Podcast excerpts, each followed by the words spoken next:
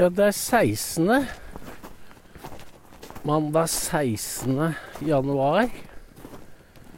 Og vi begynner med det som var to-tre innslag i NRKs morgensending i dag. For de sa mye om tidsånden og tankene til dagens herrer, herrefolk. Det var uh, disse barne barnevernssakene hvor eh, på bakgrunn av Spydeberg hvor barnevernet, Bufdir, de klarer ikke å håndtere ungene. Og når vi hører at pyromani er så utbredt at det er fem-seks branntilløp i måneden, så skjønner vi at dette er en katastrofe som venter på å skje. Og så var det disse problembarna som blir flyttet fra sted til sted. Det var en Markus, den historien hadde ikke jeg fått med meg, som hadde gått i helga, som han var blitt flytt, flyttet Var det syv ganger, eller var det 17, eller Det var veldig mange ganger. Og da var jo problemet ikke Markus, men de som flytter han. Fordi det var ikke lov, eller det er ikke lov, å stille spørsmålet hvorfor blir en unge flyttet så mange ganger? Kan det være fordi de ikke greier å håndskes med han? Det er jo et nærliggende spørsmål, men det er tabu å stille det. Og fordi ikke bare vil de også måtte ta opp at noen unger er helt umulig å håndtere med vanlige metoder. De vil også måtte konfrontere seg selv, konfronteres med at de har ikke verktøyene, for de tillater, de tillater seg ikke å ha de maktmidlene som må til i visse, visse tilfeller. Fysisk makt, innesperring, er til barnet, og i hvert fall til omgivelsenes beste, i de tilfellene hvor det er såkalt utagerende barn. Og de kan være 14 år, og de kan være like farlige som en voksen. Det, dette vet vi. Men de vil ikke snakke om det. Og Inga Beyer Eng, som var en fantastisk aktor i 22. juli-rettssaken. Hun er jo blitt helt ja, barnevern, barneombud. Som kun ser på barna som ofre. Men det er ikke alle barn. Altså i, i syvende til syvende og sist så er de jo ofre, men vi kan ikke behandle dem som ofre når de har en atferd som truer omgivelsene.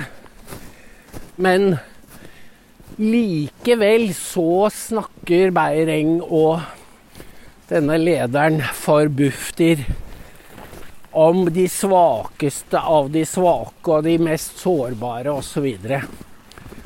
Dette er et språk som ikke er funksjonelt. Det er ikke Det sier oss det, Vi kommer ikke videre med å gjøre de til ofre som trenger enda mer hjelp. Fordi samfunnet, og det er jo den bitre realiteten, samfunnet har ikke noe å stille opp. I en del tilfeller har ikke samfunnet noe å stille opp. Snakk med en gammel politimann, snakk med en gammel lærer. Så vil de, hvis de tør, fort si at det er noen som du ikke klarer å rette opp. Og de må bare gjerdes inn, rett og slett. Helt til de har rast fra seg. Samme sier jo Jordan Peterson, og han har jo sier jo at dette gjelder jo mange, særlig unge menn, som må holdes mer eller mindre innesperret. Jeg tror han sier til de er en 7-28 år, ja. Da har det skjedd noen kjemiske skifter i kroppen deres som gjør at de er blitt litt tammere. Men før det så er de farlige for omgivelsene. Men det er det ikke lov å si. Og det gjør jo at den pedagogikken som Beyer-Eng og hva han heter From Fromreide Nei, husker ikke. Ani Bufdir. Den faller pladask fordi det er Hvis det er aksiomatisk at barna aldri er skyld, så har de et utgangspunkt som er inkom inkommensurabelt med virkeligheten.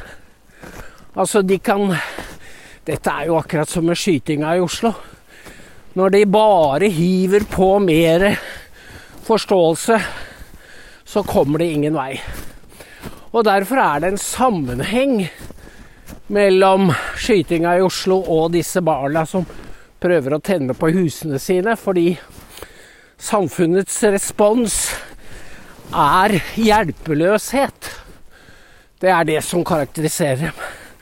De vil ikke forstå De vil ikke forstå at noen mennesker blir destruktive, og noen er onde. Det vil de ikke forstå. Og da går det gærent. Isteden så retter jo politiet sin kritikk eller altså indirekte så truer de publikum når de sier at uh, det, var, uh, det var ikke noen risiko for, for omgivelsene.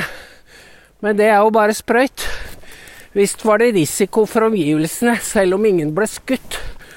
Det å være vitne til at folk ligger på gata i, i en blodpøl, er vel så visst å bli truet. Og så prøver politiet å si at ja, men dette er jo Det gikk jo ikke ut over noen. Og så sier de jo, de er alvorlig såret, men ikke kritisk. Som om det er et poeng. De prøver rett og slett å bagatellisere det som skjer. Så det er en fellesnevner i myndighetenes tilnærming, men de klarer ikke se det selv. Og så fikk vi enda et eksempel. Og det var Rødt. Partiet Rødt i Vestland fylke. Som har fått med seg flertallet på at illegale skal få gratis helsehjelp i, i fylket. Selv dette handler om folk som har vært her og gått gjennom hele asylprosessen og anket maksimalt antall ganger, og det er mange år. Det kan ta mange år. Og så er de endt opp med endelig å få avslag. Rødt har fått med seg de andre partiene på denne politikken, som altså er det samme som å torpedere norsk asylpolitikk, sånn som den har vært i mange år. Fordi hvis du kan anke et avslag utallige ganger, og så allikevel får du gratis helsehjelp og alle goder, så er jo hele prosessen en, en bløff. Og da kan du like gjerne si at nå er det fri innvandring. For i praksis er det det det er. Og som jeg sier, dette er Rødt på sitt verste. Det er en destruktiv humanisme. Og jeg tror de vet. Innerst inne så vet de hva de gjør.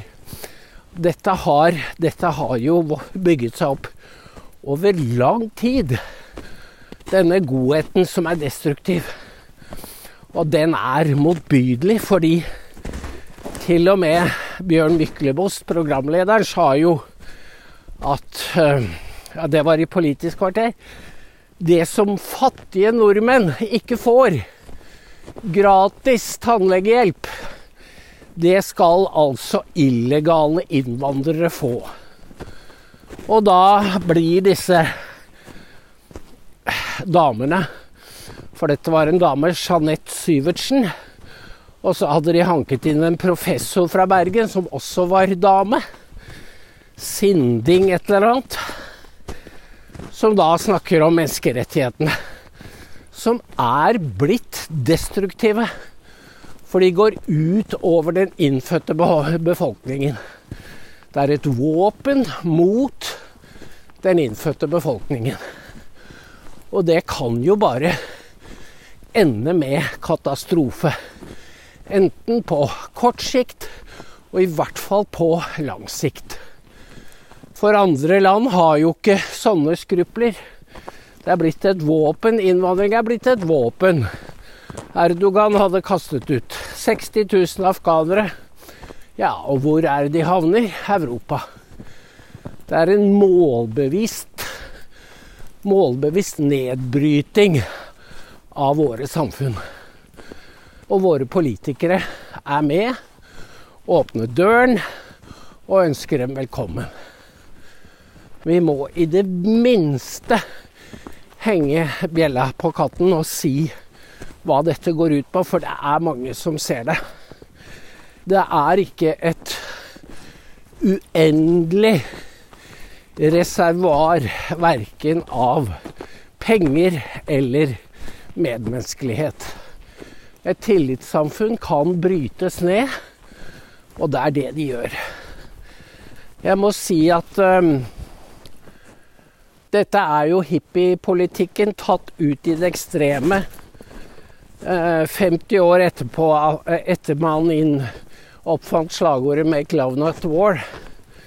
Og da skal jeg si hva det er, hva som er motstykket til det derre godfjottete som det nå er, slagordet. Det er en kirke i Oslo hvor det på prekestolen står inngravert Syndens lønn er døden. Og det er så sterkt at menigheten ikke tåler å se det. Så de har fått det malt over. Dette er Jeg kan ikke si hvilken kirke, fordi da blir kilden litt for kanskje åpenbar. Men det sier så mye om vår tid. Fordi det står i Bibelen at syndens lønn er døden. Det er jo selve skapelses- og paradisfortellingen.